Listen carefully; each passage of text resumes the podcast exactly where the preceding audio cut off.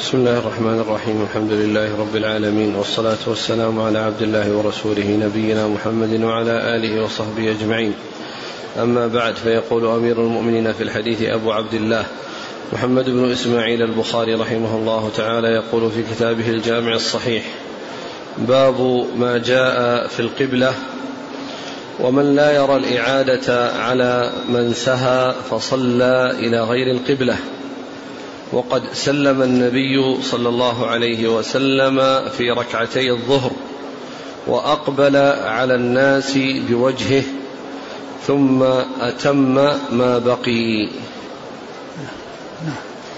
قال حدثنا عمرو بن عون قال حدثنا هشيم عن حميد عن أنس رضي الله عنه أنه قال قال قال عمر رضي الله عنه وافقت ربي في ثلاث فقلت يا رسول الله لو اتخذنا من مقام إبراهيم مصلى فنزلت واتخذوا من مقام إبراهيم مصلى. وآية الحجاب قلت يا رسول الله لو أمرت نساءك أن يحتجبن فإنه يكلمهن البر والفاجر. فنزلت آية الحجاب. واجتمع نساء النبي صلى الله عليه وسلم في الغيرة عليه. فقلت لهن عسى ربه إن طلقكن أن يبدله أزواجا خيرا منكن. فنزلت هذه الآية.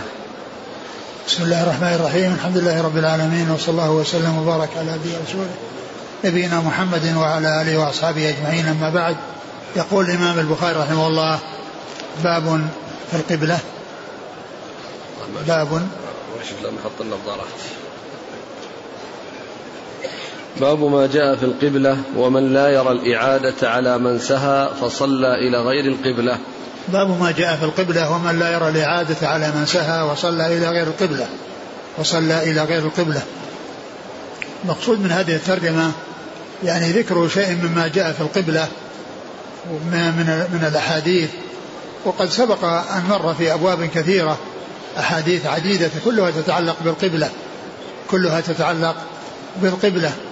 و, و ثم أورد البخاري رحمه الله هذا الحديث هذا الحديث الذي ذكره هنا مختصرا وقد ذكره مسندا في موضع آخر. قال باب ما جاء في القبلة ومن لا يرى الإعادة على من سهى فصلى إلى غير القبلة. ومن لا يرى الإعادة ومن لا يرى الإعادة على من سهى وصلى إلى القبلة يعني هذه الترجمة مكونة من شيء يتعلق بالقبلة ومن لا يرى الإعادة على من سهى وصلى إلى القبلة فإنه لا يعيد إيش بعده؟ صلى إلى غير القبلة لا إيش الكلام اللي بعده؟ بعد هذا الحديث قال وقد سلم النبي صلى الله عليه وسلم في ركعتي الظهر وأقبل على الناس بوجهه ثم أتم ما بقي. هذا هو الذي يشير إليه بقوله يعني سهى وصلى إلى غير القبلة يعني أنه في بعض أو في أنه صلى ركعتين ثم إنه أقبل على الناس بوجهه.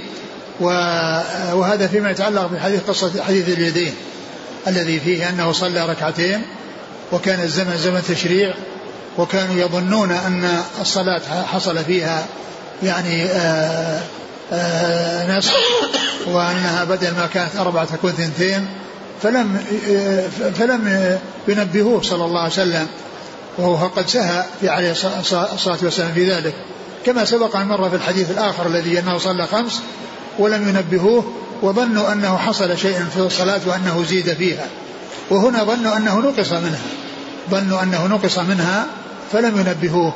ولما يعني سلم صلى الله عليه وسلم وقام من مكانه وجلس إلى خشبة معروضة في المسجد ثم إنه آه، قال آه، له رجل آه، والصحابة يعني لم يتكلموا معه وصاروا يتحدثون فيما بينهم ورجل يقال له ذي اليدين قال يا رسول الله أنقصت الصلاة؟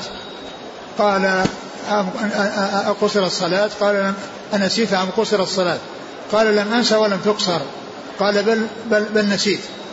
لأنه لما قال بأن نسيت, بأن نسيت أنسيت أو, أو قصرت الصلاة قال لم أنسى ولم تقصر قالوا بل نسيت. لأن ما دام ما في قصر وهذا هو الذي كانوا يعني يتوقعون أنه ينزل في تشريع وأن الصلاة بدل ما تكون أربعة ثنتين عند ذلك قال لن أنسى ولن تقصر قال بل نسيت. يعني ما دام أنه نفى عن نفسه صلى الله عليه وسلم أن يكون ناسيا وأن يكون قصر الصلاة والقصر نفي والنسيان قد حصل وهذا لم ينسى يعني في ظنه وفي في فهمه وفي علمه أنه ما حصل لكن غيره فهم ذلك لكنه غيره أدرك ذلك فقال قالوا بل نسيت فالتفت إلى الناس بوجهه وقال أكما يقول اليدين ثم إنه جاء وكمل الصلاة التي بقيت عليه. والمقصود من ذلك أنه آه، في أثناء صلاته التفت إلى الناس فكان يعني بعض آه، بعض ما حصل منه إلى غير القبلة يعني بين الركعتين الأوليين والركعتين الأخيرتين لأنه قام وبنى على صلاته. فإذا حصل في أثنائها أنه التفت إليهم وصار متجها إلى غير القبلة ومع ذلك لم تبطل الصلاة ولم يعدها وإنما أكمل صلاته. فدل على أنه إذا حصل في الصلاة شيء من, من, من هذا وأن وأنه انصرف إلى غير القبلة واتجه إلى غير القبلة في شيء يعني كان يظن أنه لم ينسى وهو ناس فإن ذلك لا يؤثر وأنه لا يعيد تلك الصلاة لأن النبي صلى الله عليه وسلم لما حصل منه هذا الالتفات في أثناء في, في, في بين بين الركعتين الأوليين والركعتين الأخريين وكان متجها إلى غير القبلة فلم يؤثر ذلك لأن هذا حصل نسيانا لأنه حصل على سبيل النسيان فلم يؤثر. فهذا هو معنى قوله ومن صلى إلى غير القبلة ولم يعد يعني شيء من صلاته. ليست الصلاة كلها إلى غير القبلة وإنما صلى أو حصل منه شيء من بعض صلاته وهو غير إلى غير القبلة. نعم. قال عمر رضي الله عنه وافقت ربي في ثلاث. وهذا يتعلق بالقبلة وهذا يتعلق بالترجمة التي ذكرها القبلة وهي أن أن أن اللي يصلي خلف المقام هو يصلي إلى القبلة لأن الصلاة خلف المقام هي صلاة إلى القبلة ويعني فهو يتعلق بالقبلة ولكنه يتعلق بمقام إبراهيم والصلاة خلف مقام إبراهيم الذي يكون الإنسان مستقبلا المقام ومستقبلا القبلة ويكون القبل يكون المقام بينه وبين القبلة فإذا هذا يتعلق بالقبلة. لأن هذا شيء مأمور به ومشروع وهذا إنما هو في ركعتي الطواف. وأما في غير الركعات أو في غير الطواف فإن الإنسان يصلي إلى القبلة من أي جهة كان آه، سواء من جهة المقام أو من جهة غيره. ولكن الركعتين التي تكون خلف بعد الطواف إنما تكون بعد تكون آه، خلف المقام وتكون خلف المقام كما جاءت بذلك السنة عن رسول الله صلى الله عليه وسلم. والصلاة خلف المقام هي استقبال القبلة. فذكر حديث عمر رضي الله عنه هذا الذي فيه أنه وافق ربه في ثلاث. وعمر رضي الله عنه آه، له موافقات عديدة. يعني يكون فيها موافقا للصواب. يجتهد ويكون اجتهاده حق وإما ينزل القرآن آه، بأن هذا الذي فعله حق وأن الله عز وجل أنزل آه، قرآنا في آه، أحكام معينة. كان رأي عمر فيها أن, أن, أن, أن, أن أنه على وجه معين فجاء القرآن وفقا لما كان رآه عمر رضي الله عنه. و وبعضها يعني كان يعني بعدما بعد وفاة الرسول صلى الله عليه وسلم يحصل منه اجتهاد في أمور ثم يعني بعد ذلك يتبين أن فيها حديث عن رسول الله صلى الله عليه وسلم متفق مع ما رآه عمر وما أداه إليه اجتهاده رضي الله عنه. وذكر في هذا الحديث أمور ثلاثة كان اقترح عن النبي صلى الله عليه وسلم آه، فيها آه، شيئا وجاء القرآن موافقا لهذا الاقتراح الذي اقترحه وهو أنه جاء في هذه الأحاديث أنه قال لو اتخذت مقام إبراهيم مصلى فنزلت يتخذ مقام إبراهيم مصلى. وكذلك يعني فيما يتعلق بالحجاب يعني أشار عليه النبي صلى الله عليه وسلم بأن يحجب النساء لأنه يكلمهن البر والفاجر فنزلت آية الحجاب وهو أنهن يحتجبن عن الرجال و ومعلوم أن هذا الحكم لهن ولغيرهن من نساء الأمة لهن ولغيرهن من نساء الأمة لأن الاحتجاب والبعد عن ما يخشى من الفتنة في, في النساء آه، إذا كان جاء هذا في حق أمهات المؤمنين مع ما فيهن من الطهر والعفاف والسلامة والبعد عن أي ريبة فإذا غيرهن ممن ليس كذلك هو من باب أولى أن يكون أن يكن مأمورات بالحجاب. والأمر الثالث أن نساء النبي صلى الله عليه وسلم حصل منهن الغيرة أو حصل بينهن الغيرة على رسول الله صلى الله عليه وسلم فقال عسى ربه إن طلقكن أن يبدله أزواجا خيرا منكن. فأنزل الله عز وجل الآية في ذلك. وهذه من الأشياء التي حصلت في زمانه صلى الله عليه وسلم وجاء الحق جاء الوحي مطابقا وموافقا لهذا الذي أشار به عمر أو هذا الذي حصل من عمر رضي الله تعالى عنه وأرضاه. أما ما كان بعد وفاته صلى الله عليه وسلم فإنه كان يجتهد في بعض المسائل ثم يرى الرأي في مسألة في بعض المسائل المعينة ثم يتبين بأن الحق جاء أو أنه ثابت في وفق ما اجتهد به عمر وقال به عمر. ومن أمثلة ذلك أن أنه رضي الله عنه لما ذهب إلى الشام ف وكان الطاعون وقع في الشام ولقيه في الطريق أبو أبو عبيدة بن الجراح وأمراء الأجناد.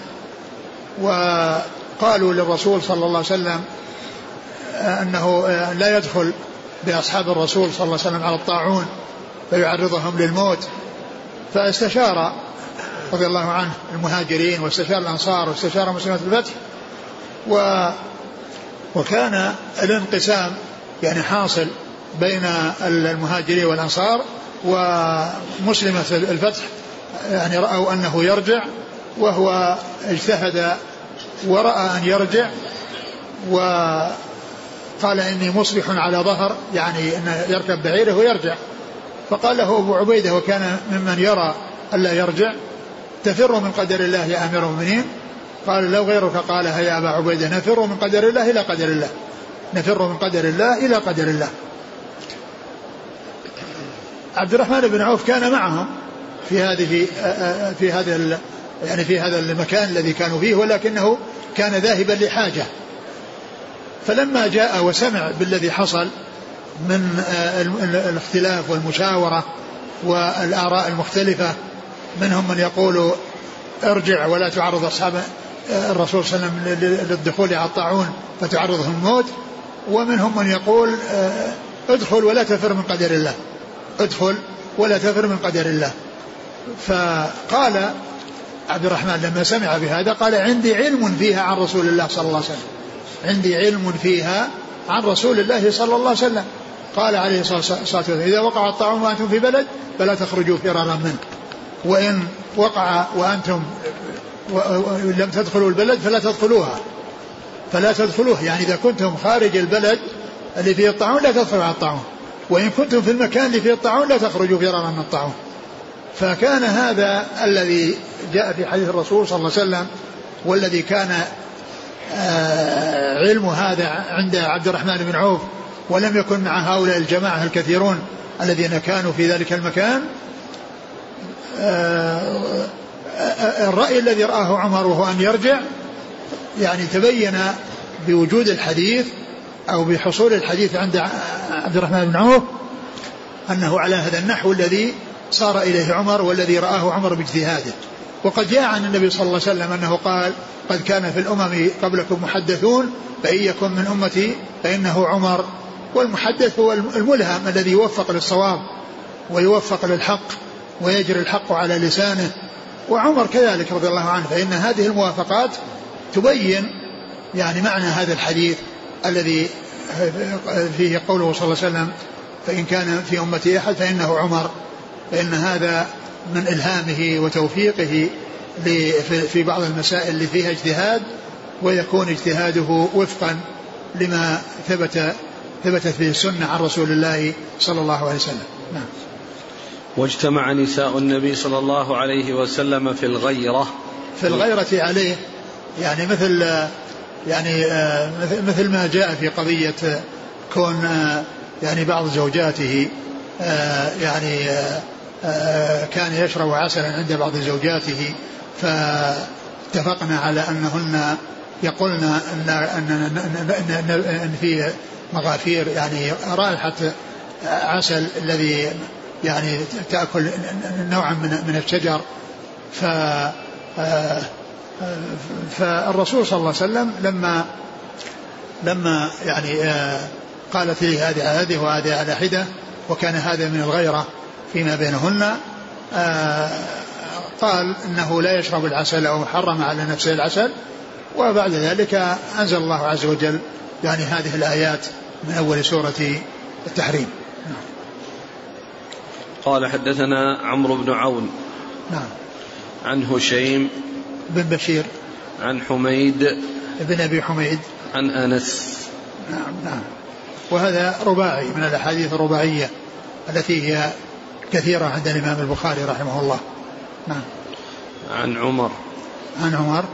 عن عمر رضي الله عنه يعني اذا هو يعني ال يعني ليس رباعيا. نعم.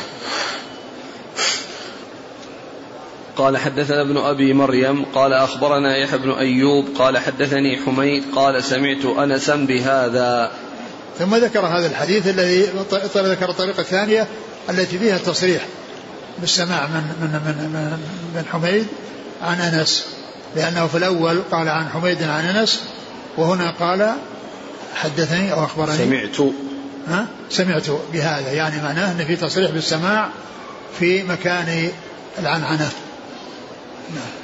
قال حدثنا ابن أبي مريم نعم.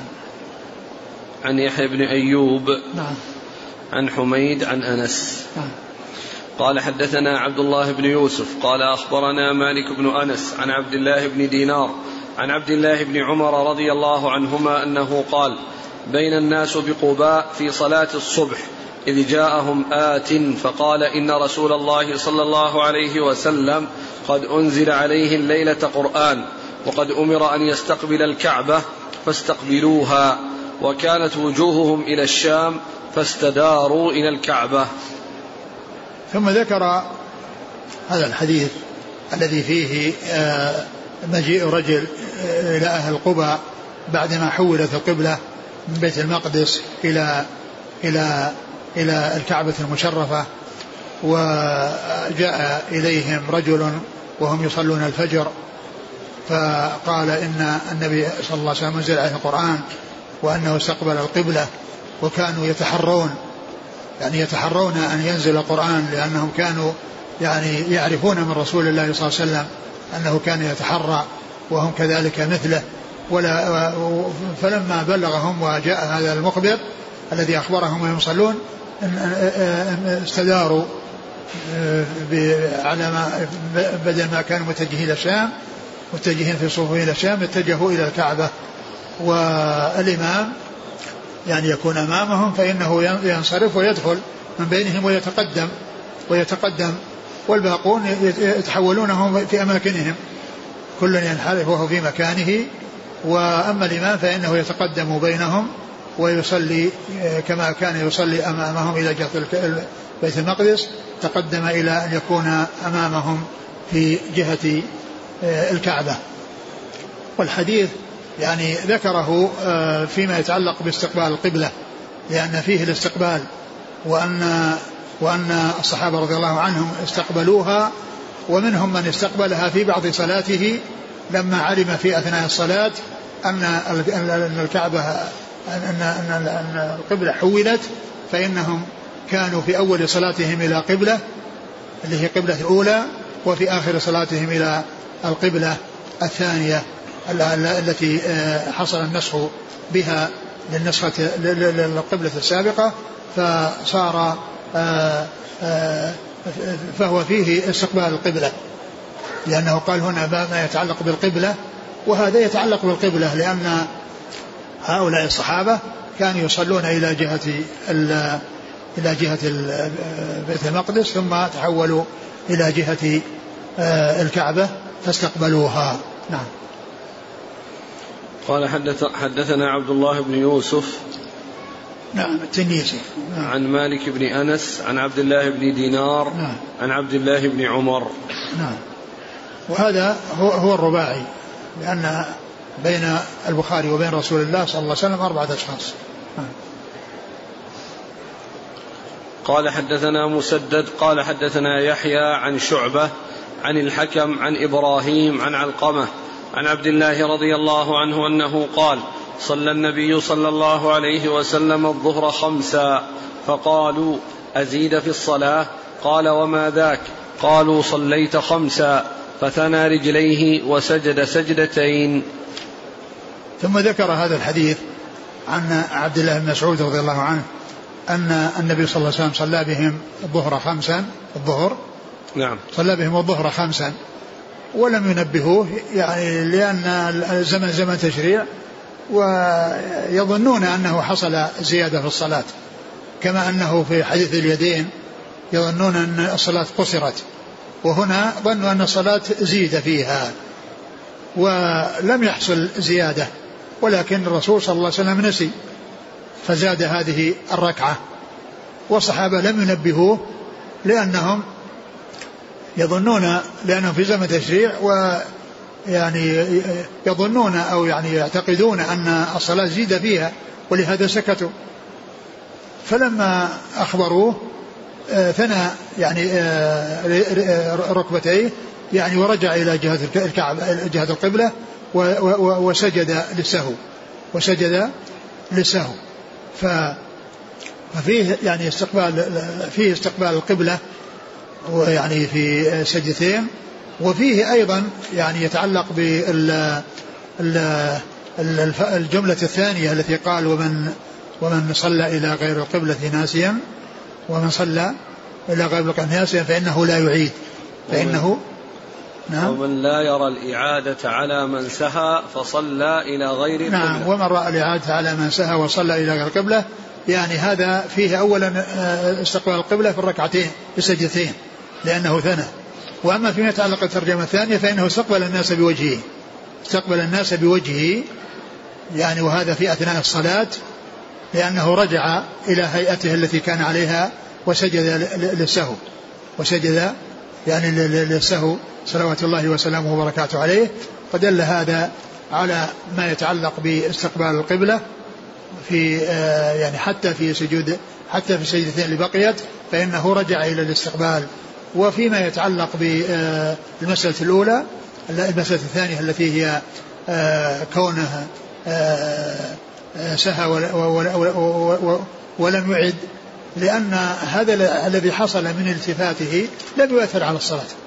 لم يؤثر على صلاته بل استمر في صلاته ولم يؤثر هذا الالتفات الذي حصل لكونه ناسيا حيث استقبلهم وقالوا له آه، يعني ما قالوا ثم إنه آه، ثنى رجليه واتجه إلى القبلة ثنى ركبتيه واتجه إلى القبلة وأتى بالسجدتين ثم السلام نعم.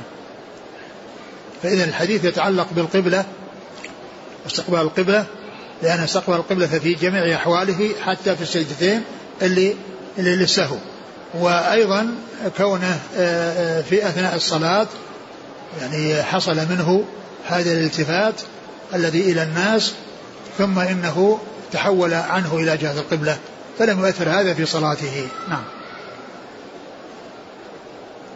قال حدثنا مسدد نعم. عن يحيى القطان. عن شعبة بن الحجاج. عن الحكم. بن عتيبة الكندي. عن, عن إبراهيم. إبراهيم النخعي. عن علقمة. النخعي. عن عبد الله. بن مسعود رضي الله عنه. قال رحمه الله تعالى باب حك البزاق باليد من المسجد. قال حدثنا قتيبة. قال حدثنا إسماعيل بن جعفر عن حميد عن أنس رضي الله عنه أن النبي صلى الله عليه وسلم رأى نخامة في القبلة فشق ذلك عليه حتى رؤي في وجهه فقام فحكه بيده فقال إن أحدكم إذا قام في صلاته فإنه يناجي ربه أو إن ربه بينه وبين القبلة فلا يبزقن أحدكم قبل قبلته ولكن عن يساره أو تحت قدميه ثم أخذ طرف ردائه فبصق فيه ثم رد بعضه على بعض فقال أو يفعل هكذا. باب حك البزاق باليد من المسجد نعم. المتن عن أنس أن النبي صلى الله عليه وسلم رأى نخامة في القبلة فشق ذلك عليه حتى رؤي في وجهه فقام فحكه بيده فقال إن أحدكم إذا قام في صلاته فإنه يناجي ربه أو إن ربه بينه وبين القبلة فلا يبزقن أحدكم قبل قبلته ولكن عن يساره أو تحت قدميه ثم أخذ طرف ردائه فبصق فيه ثم رد بعضه على بعض فقال أو يفعل هكذا. باب حك البزاق من؟ باليد. باليد من؟ من المسجد. من المسجد. باب حك البزاق من, من؟ باليد من المسجد. المقصود من هذا أن أن أن أنه لما ذكر القبلة ويعني أبواب متعلقة في القبلة ذكر شيئا له تعلق بالقبلة وذلك أن أن أن أن البصاق أو البزاق يعني يكون في الجدار يعني في القبلة وكذلك حتى في غيرها لكن الذي حصل أنه في جهة القبلة. وذلك أن الإنسان قد يكون فعل هذا وهو يصلي لأن الجدار أمامه فبزق بالجدار فالرسول صلى الله عليه وسلم لما رآه تأثر ورؤي ذلك التأثر في وجهه لأنه كره ذلك كراهية شديدة حتى عرف ذلك في وجهه عليه الصلاة والسلام ثم إنه حكه بيده حكه بيده وسواء هذا الحك كان باليد مباشرة أو بواسطة لأنه يقال حك باليد يعني سواء حكه بيده مباشرة أو أنه حكه بوسيلة وبشيء يعني عود أو بحصى أو ما إلى ذلك وقد جاء في بعض الروايات في كما سيأتي أنه حكه بحصى. أنه أنه حصل منه الحك بالحصى. والحاصل أن ما جاء في هذا الحديث إنما هو مطلق وهو يحتمل أن يكون بواسطة وبغير واسطة وسيأتي ما يدل على أنه حكه بواسطة الذي هو الحصى الذي هو الحصى. ومعلوم أن البزاق شيء طاهر ليس بنجس ولكنه قذر يعني شيء مستقدر يعني لا يليق يعني لا يليق أن يرى في المساجد يعني هذا الشيء الذي يستقدر وإلا في الطهارة فإنه طاهر ليس بنجس. ولكن المحذور فيه كونه يعني شيء مستقدر تستقدره النفوس إذا رأته.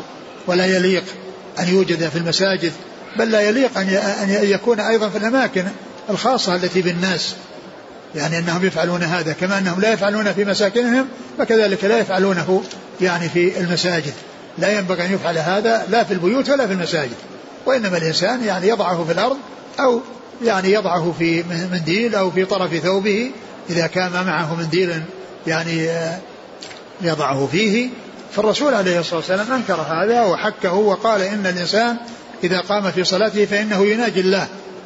يعني أنه مقبل على الله عز وجل فليس له أن يعني يبصق يعني أمامه وليس له أن يبصق لا أمامه ولا في الجدار الذي إذا كان في مسجد أو في مكان يعني هو سترة له فلا يبصق وإنما عليه أن يعني يضعه يعني يلقيه عن يساره أو تحت قدمه أو يأخذ طرف ثوبه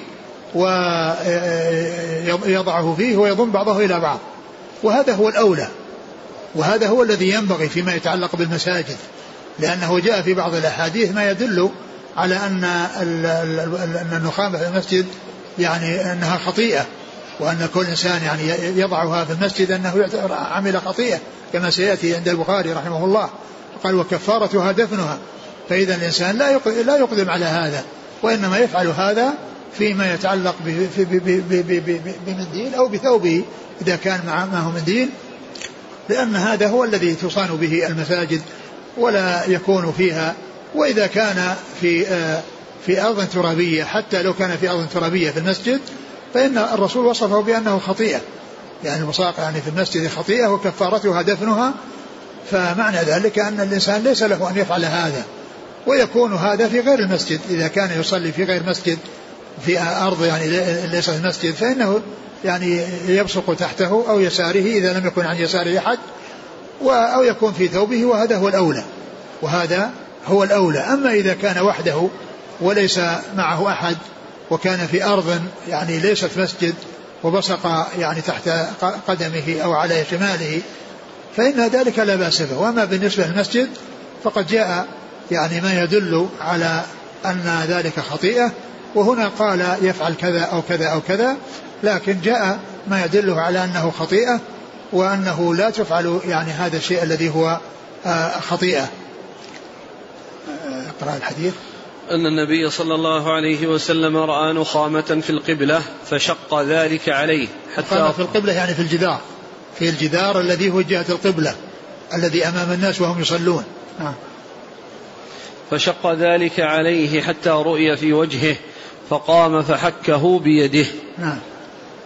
فحكه بيده صلى الله عليه وسلم آه، إما بواسطة أو بغير واسطة. وكما قلنا هو شيء طاهر لأنه لو كان نجسا لاحتاج إلى غسل لأنه لا يكفي فيه الحك. ثم أيضا الحك إذا حكه يتساقط في الأرض. يتساقط في الأرض يعني الحبات والأشياء الجزيات التي التي قد حصلت. وهو ليس بنجس هو طاهر ولكن المحذوف فيه الاستقدار. وأنه شيء قذر مثل المني إذا كان في الثوب هو طاهر لكنه قذر يعني كونه ينظر إليه بمنظر كريه. يعني ما يعني ليس للنجاسة ولكن للاستقدار يعني كونه يعني يعني يغسل يعني حتى يذهب يعني هذا المنظر الكريه الذي يستقدره الناس إذا رأوه في الإنسان أو في ثوب الإنسان. وكذلك أيضا كونه يعني آه، يحك يعني يدل على أنه طاهر لأن حكه يعني الحك لا يكفي في اللي فيه نجاسة ما يكفي حكه لازم غسله.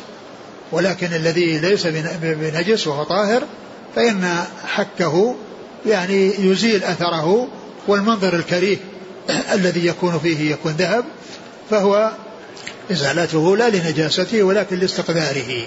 نعم.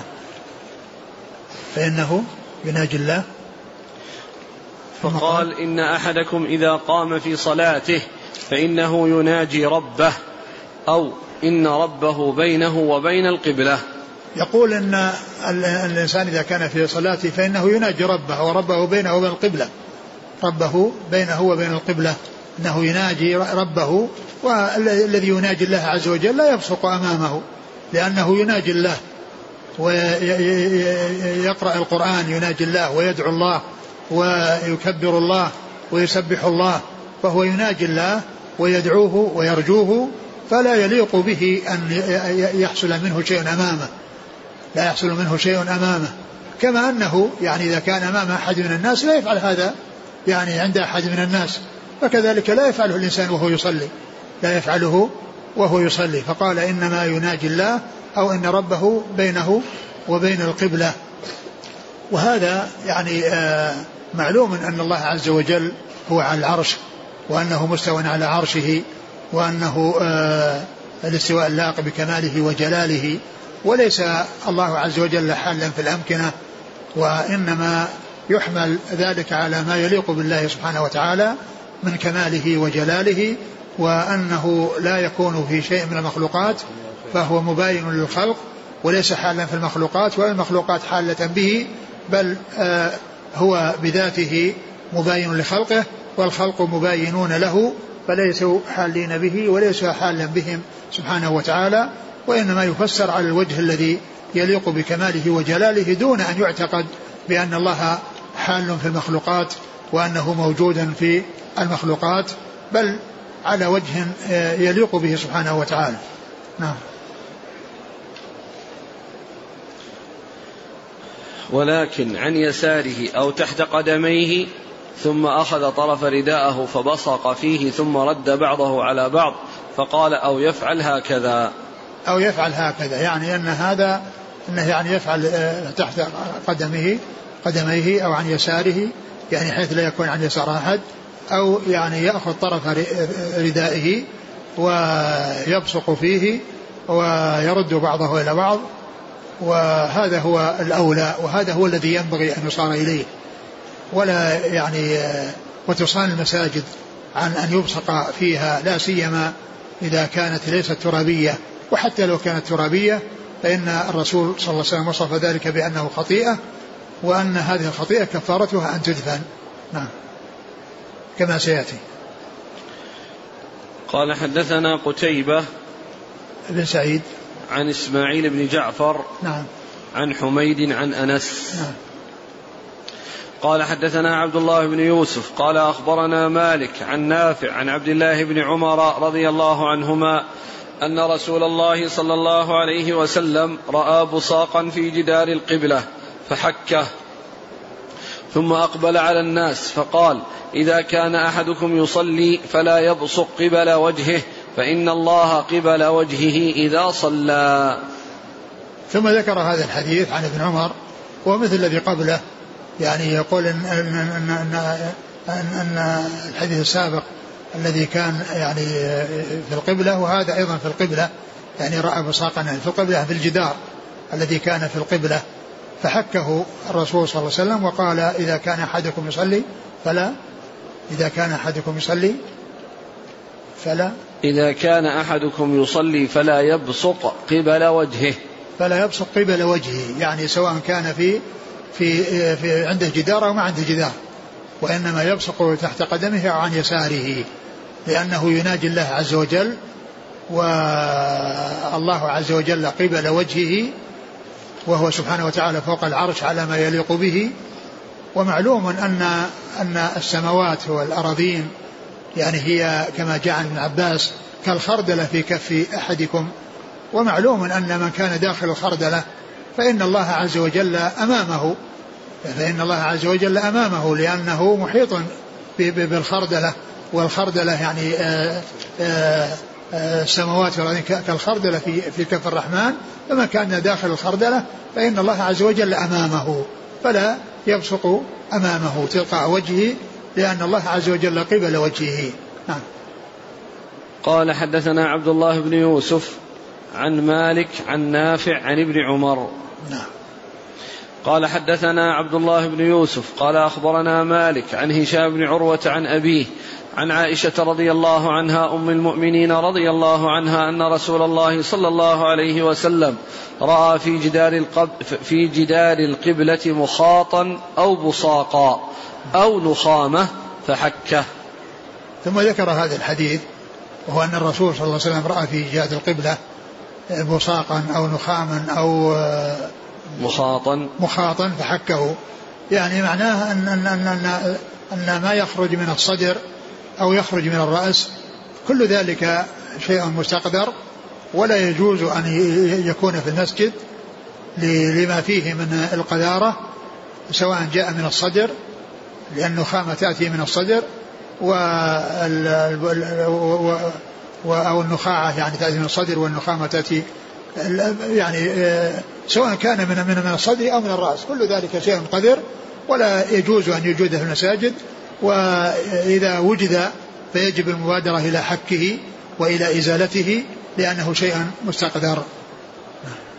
قال حدثنا عبد الله بن يوسف عن مالك عن هشام بن عروة عن أبيه عن عائشة. نعم.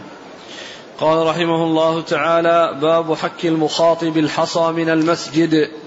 قال حدثنا موسى بن إسماعيل قال أخبرنا إبراهيم بن سعد قال أخبرنا ابن شهاب عن حميد بن عبد الرحمن أن أبا هريرة وأبا سعيد رضي الله عنهما حدثاه أن رسول الله صلى الله عليه وسلم رأى نخامة في جدار المسجد فتناول حصاة فحكها فقال إذا تنخم أحدكم فلا يتنخمن قبل وجهه ولا عن يمينه وليبصق عن يساره أو تحت قدمه اليسرى. أعد. عن أبي هريرة وأبي سعيد. أن رسول الله صلى الله عليه وسلم رأى نخامة في جدار المسجد فتناول حصاة فحكها. فقال إذا تنخم أحدكم فلا يتنخمن قبل وجهه ولا عن يمينه وليبصق عن يساره أو تحت قدمه اليسرى. ثم ذكر هذا باب البصاق. باب حك المخاطب الحصى من المسجد. باب حك المخاطب من الحصى بالحصى من المسجد. يعني هذا مثل الذي قبله إلا أن فيه تنصيص على الحصى. هنا قال البزاق. البزاق والبصاق والمخاط والنخامة كلها يعني يخرج من هذين الطريقين. يعني من من من الرأس عن طريق الأنف ومن الصدر عن طريق الفم. نعم. باب حك المخاط بالحصى من المسجد. نعم. حك المخاط من الحصى بالحصى. بالحصى من بالحصى من بالحصى من المسجد. هناك ذكر التي ورد أنه بيده وهو مطلق وهو يحتمل أن يكون بواسطة حصى أو غيره. و أو أو بيده مباشرة. محتمل هذا وهذا. ولكن هذا الحديث عن أبي سعيد وأبي هريرة أن ذلك أنه حصل بالحصى. تناول حصى يعني من حصى المسجد. حصى من حصى المسجد فحكه به. وهذا يعني يفيد ان ان ان, أن ليس للنجاسة وإنما هو للقذاره لأن الحصى هو نفسه من المسجد. والحك لهذا سيقع في المسجد. ولكنه يعني لا يرى شيء يستقدر. يعني لا في الحصى ولا في ولا في الذي يتساقط. وإنما الذي يستقدر هو رؤيته في الجدار. يعني هيئة كريهة. يعني تشمئز منها النفوس عندما تراها. لأنه فيه يعني قدر. يعني رؤيته في في مشقة على النفوس. فالرسول صلى الله عليه وسلم قال ان ان, أن الإنسان لا يحصل منه يعني ذلك وإنما يبصق لا يبصق عن يمينه وإنما يبصق تحت قدمه أو عن أو عن شماله. وهذا يفيد الأحاديث السابقة فيها ذكر تحته وعن يساره وهنا زيادة وليس فيها التنصيص على اليمين لا بفعل ولا بترك وهنا فيه التنصيص على اليمين بالترك وأنه لا يبصق عن يمينه.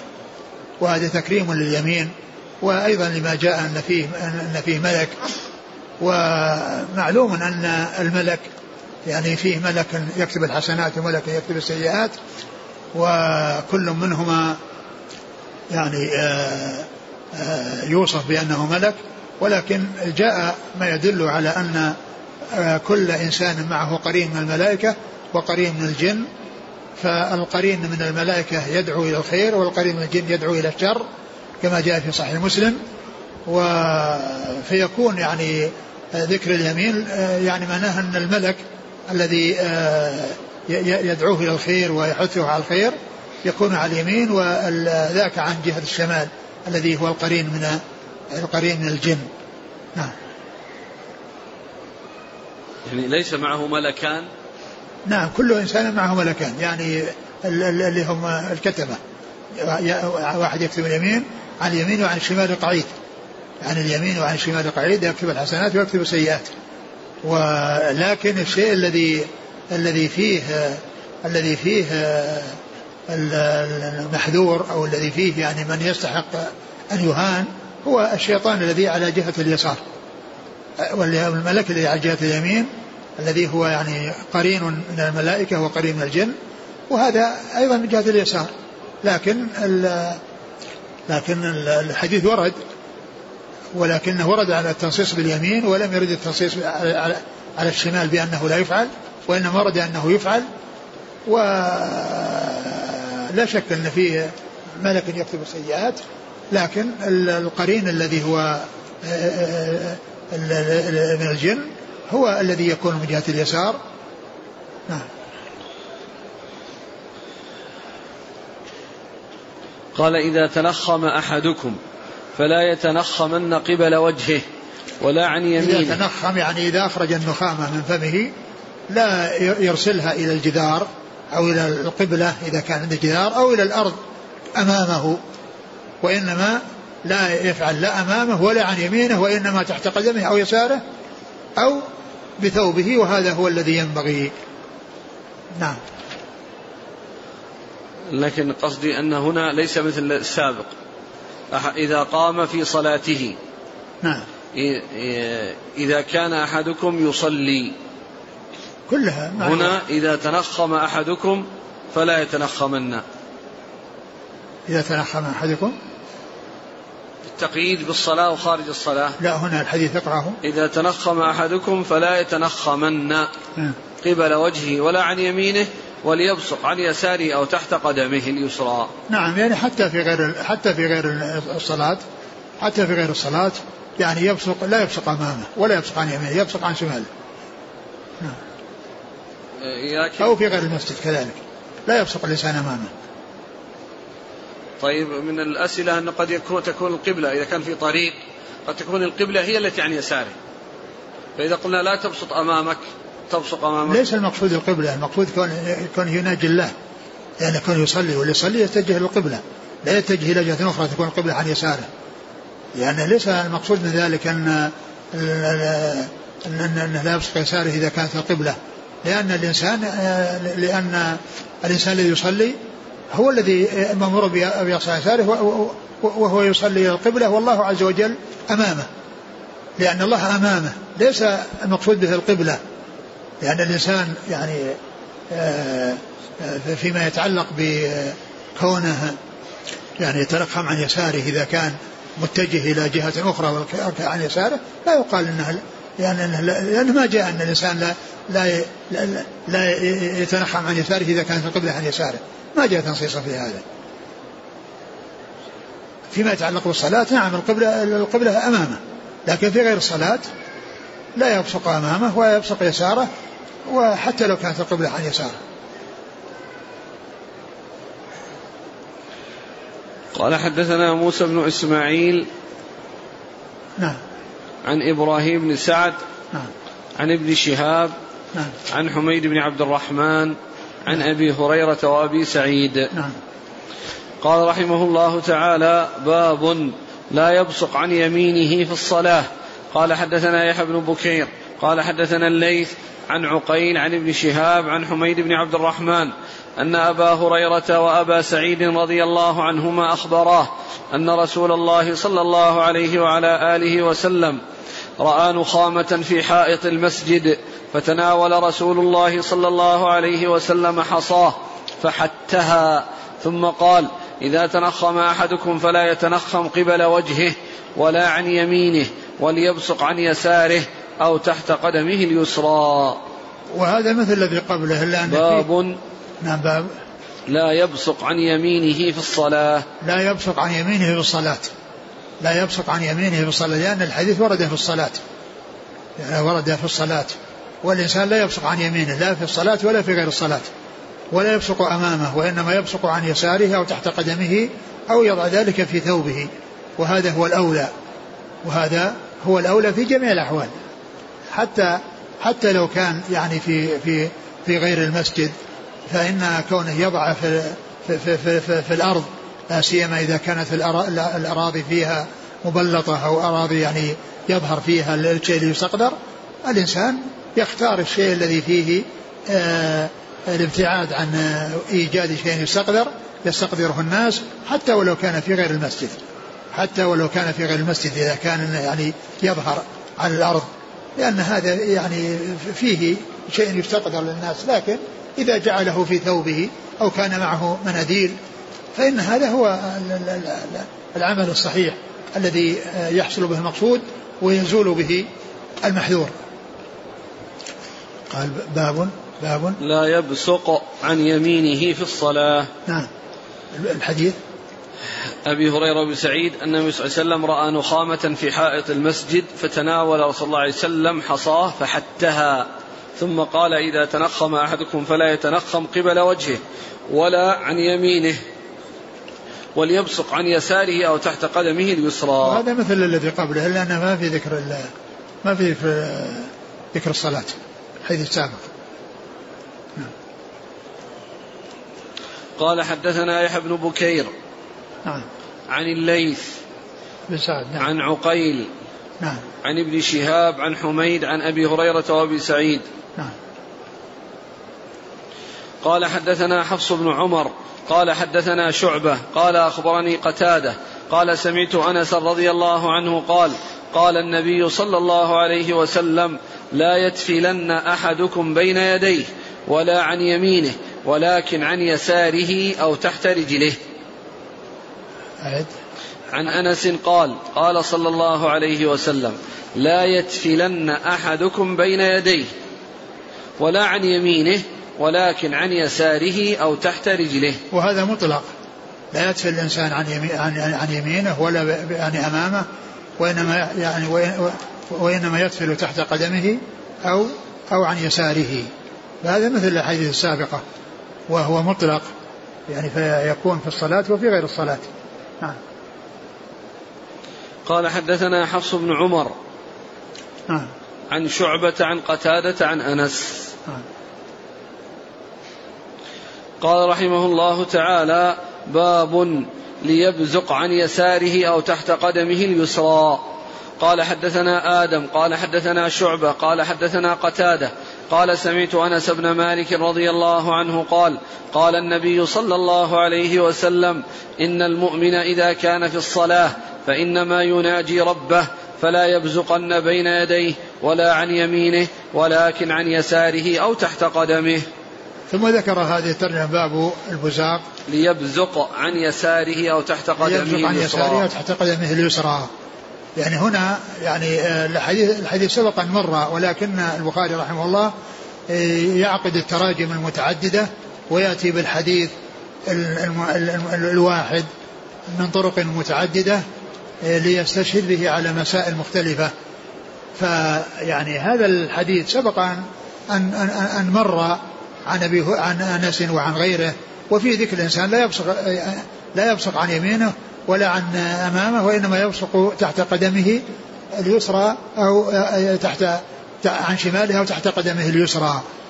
فهو من أجل الاستدلال على المسائل المتعددة لأن هذا من جهة الاستقبال وهذا من جهة اليمين وهذا من جهة الشمال وأنه يبصق من جهة الشمال ويبصق تحت قدمه. الحديث الواحد يأتي به على طرق متعددة للاستدلال به على مسائل متعددة جاء ذكرها في نفس الحديث فهو يأتي به من جهة اليمين ويأتي به من جهة الأمام ويأتي به من جهة الشمال. نعم. قال حدثنا آدم ابن أبي ياس نعم. عن شعبة عن قتادة عن أنس. آه. قال حدثنا علي قال حدثنا سفيان قال حدثنا الزهري عن حميد بن عبد الرحمن عن أبي سعيد أن أن رسول الله صلى الله عليه وسلم أبصر نخامة في قبلة المسجد فحكها بحصاة ثم نهى أن يبزق الرجل بين يديه أو عن يمينه ولكن عن يساره أو تحت قدمه اليسرى. وعن الزهري أنه سمع حميدا عن أبي سعيد نحوه. ثم ذكر هذا الحديث عن عن أبي سعيد.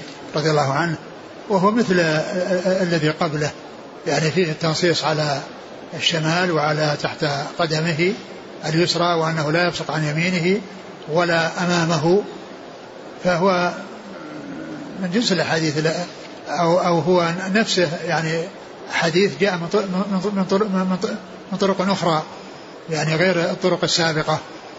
نعم. قال حدثنا علي بن المديني. عن سفيان بن عيينة. عن الزهري عن حميد بن عبد الرحمن عن أبي سعيد. نعم. وعن الزهري أنه سمع حميدا. نعم وهذا فيه تصريح السماع الطريق الثاني نعم. قال رحمه الله تعالى باب كفارة البزاق في المسجد. قال حدثنا آدم قال حدثنا شعبة قال حدثنا قتادة قال سمعت أنس بن مالك رضي الله عنه أنه قال قال النبي صلى الله عليه وسلم البزاق في المسجد خطيئة وكفارتها دفنها. باب كفارة البزاق في المسجد. باب كفارة البزاق بالمسجد. يعني أن المسجد إذا حصل فيه البزاق فهو موصوف بأنه خطيئة ولكن كفارة هذه الخطيئة أن تدفن. ووصف الحديث وصف البزاق أو البزاق بالمسجد بأنه خطيئة يعني يدل على أنه يجتنب. وأن الإنسان لا يرتكب هذه الخطيئة ولكنه إذا ارتكبها ووقع فيها فإنه يدفنها فإنه يدفنها ويوريها حيث يكون المكان يعني آه، ترابي يكون ترابيا فإنه يدفنها. ولكن العمل الصحيح هو أن لا يلقيها في المسجد لا في أرض ترابية ولا في غيرها وإنما يجعلها في ثوبه أو في مناديل تكون معه لأن كونه وصف بأنه خطيئة فالإنسان يبتعد عن الوقوع في هذه الخطيئة.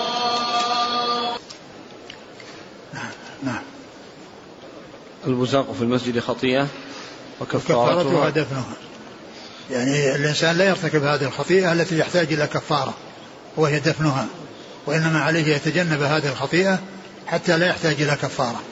نعم. أو إزالتها لأن الآن للأسف يعني هداه الله بعض من لا ينظر إلى الساحات أنها من المسجد ربما بزق على الرخام وأصبحت كريهة المنظر.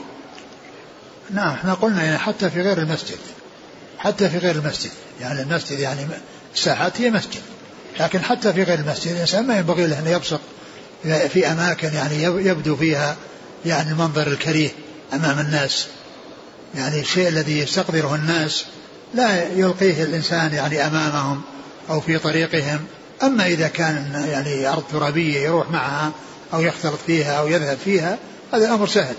لكن كونه يعني شيء آه، صلب أو شيء كالبلاط أو الرخام أو الأسمنت الذي يكون ليس عليه شيء يستره فإن أي شيء يوضع عليه من هذه الأشياء القذرة يستقذرها الناس إذا رأوها.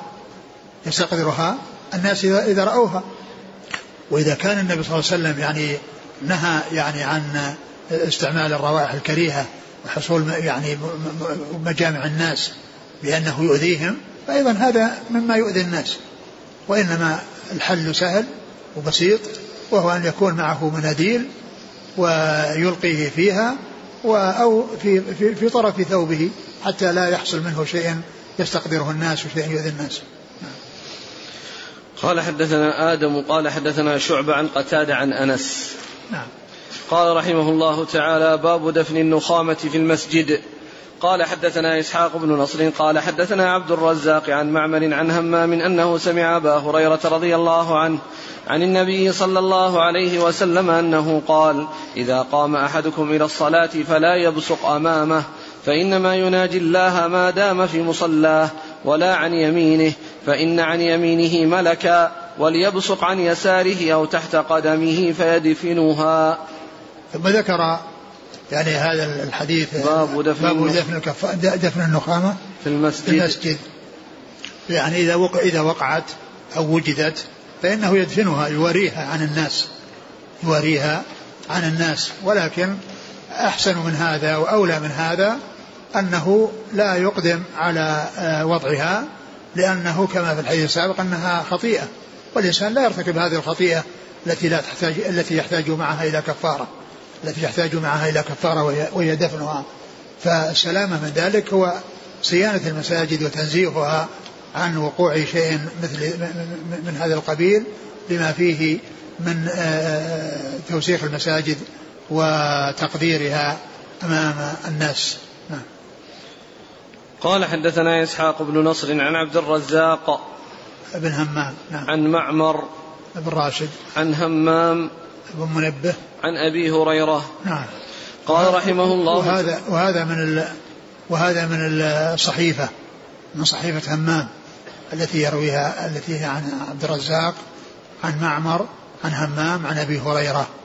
وهي كما سبق أن مر بنا جملة من أحاديث الصحيفة تشتمل على 140 حديثا الفاصل بين كل حديث وحديث جملة وقال رسول الله صلى الله عليه وسلم.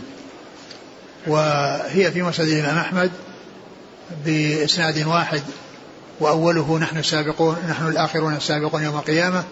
ثم يأتي بعد ذلك آه، الأحاديث بين كل حديث وحديث وقال رسول الله صلى الله عليه وسلم كذا.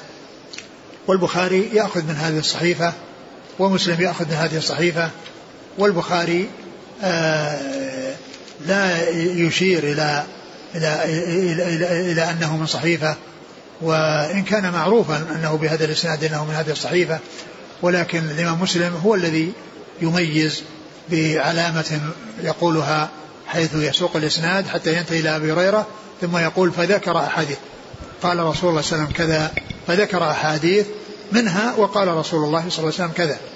منها وقال رسول الله صلى الله عليه وسلم يعني معناه أن هذا الحديث من وسط الصحيفة ليس من أولها. وأما البخاري يسوق الإسناد ثم يركب عليه أي قطعة من الحديث. نعم. قال رحمه الله تعالى وكل منهما عمل صحيح لأن الإسناد واحد عمل البخاري صحيح لكن أحسن منه عمل مسلم. الذي الإنسان إذا مر به عرف أن هذا من الصحيح. يعني إذا قال عن همام عن أبي, عن أبي هريرة فذكر أحاديث منها وقال رسول الله صلى الله عليه وسلم كذا. فذكر أحاديث يعني إشارة للأحاديث اللي, اللي, اللي قبل هذا الحديث. فذكر أحاديث. نعم. باب إذا بدره البزاق فليأخذ بطرف ثوبه. قال حدثنا مالك بن إسماعيل قال حدثنا زهير قال حدثنا حميد عن أنس رضي الله عنه أن النبي صلى الله عليه وسلم رأى نخامة في القبلة فحكها بيده ورؤي منه كراهية أو رؤي منه كراهية كراهيته لذلك وشدته عليه وقال إن أحدكم إذا قام في صلاته فإنما يناجي ربه أو ربه بينه وبين قبلته فلا يبزقن في قبلته ولكن عن يساره أو تحت قدمه ثم أخذ طرف ردائه فبزق فيه ورد بعضه على بعض قال أو يفعل هكذا ثم ذكر آه، باب, باب إذا بدره البزاق فليأخذ بطرف ثوبه. إذا بدره البزاق فإنه يأخذ بطرف ثوبه ويجعله البزاق فيه. وهذا هو الطريق الأسلم الذي يزول معه أي إشكال ويعني ويسلم معه من كل محذور. ثم ذكر الحديث الذي آه، أنه ذكره مرارا ولكنه ذكره هنا من أجل هذه الجملة وقد سبق أن مرت هذه الجملة لكنه أراد الاستدلال عليها بباب يعقده لها ويأتي بالحديث الذي مشتمل على هذه الجملة التي يكون يبصق في ثوبه للاستدلال به على ما ترجم له على طريقته رحمه الله. نعم. قال حدثنا مالك بن إسماعيل نعم. عن زهير آه، بن معاوية. عن حميد عن أنس نعم. باب عظة الإمام الناس. والله تعالى أعلم وصلى الله وسلم وبارك على عبده ورسوله نبينا محمد وعلى آله وأصحابه أجمعين. جزاكم الله خيرا وبارك الله فيكم. ألهمكم الله الصواب وفقكم للحق ونفعنا الله ما سمعنا وغفر الله لنا ولكم وللمسلمين أجمعين. آمين. يقول أي صلاة بدأ النبي صلى الله عليه وسلم فيها الاستقبال إلى الكعبة؟ لا أدري. الآن يوجد في في المساجد صناديق مخصصة لرمي المناديل وربما وضعت أمام المصلين. فهل يجوز الإنسان إذا بدره البزاق أن يبصق في هذه الصناديق المعدة للنفايات؟ والله يعني آه، حتى نفسه كونه يعني يبصق أمام الناس يعني يحصل منه يعني شيء منظر ما هو جيد. وإنما يجعله في منديل والمنديل يعني وضعه أسهل من إخراجه من فمه أمام الناس. إذا كان الإنسان عن يساره شخص الآن في الصلاة عن يسارك أناس فهل يبصق عن يساره ربما يتأذى من بجواره؟ لا أبدا. إحنا قلنا إذا لم يكن عن يساره إذا لم يكن عن يساره. والحل كما قلنا الذي آه، لا, لا أحسن منه هو يأخذ منديل أو بثوبه. ألا يؤخذ من هذه الأحاديث كذلك يعني شدة كما جاء استقبال النهي عن استقبال قبلة ببول أو غائط. الربط بينها وبين احترام القبلة. الله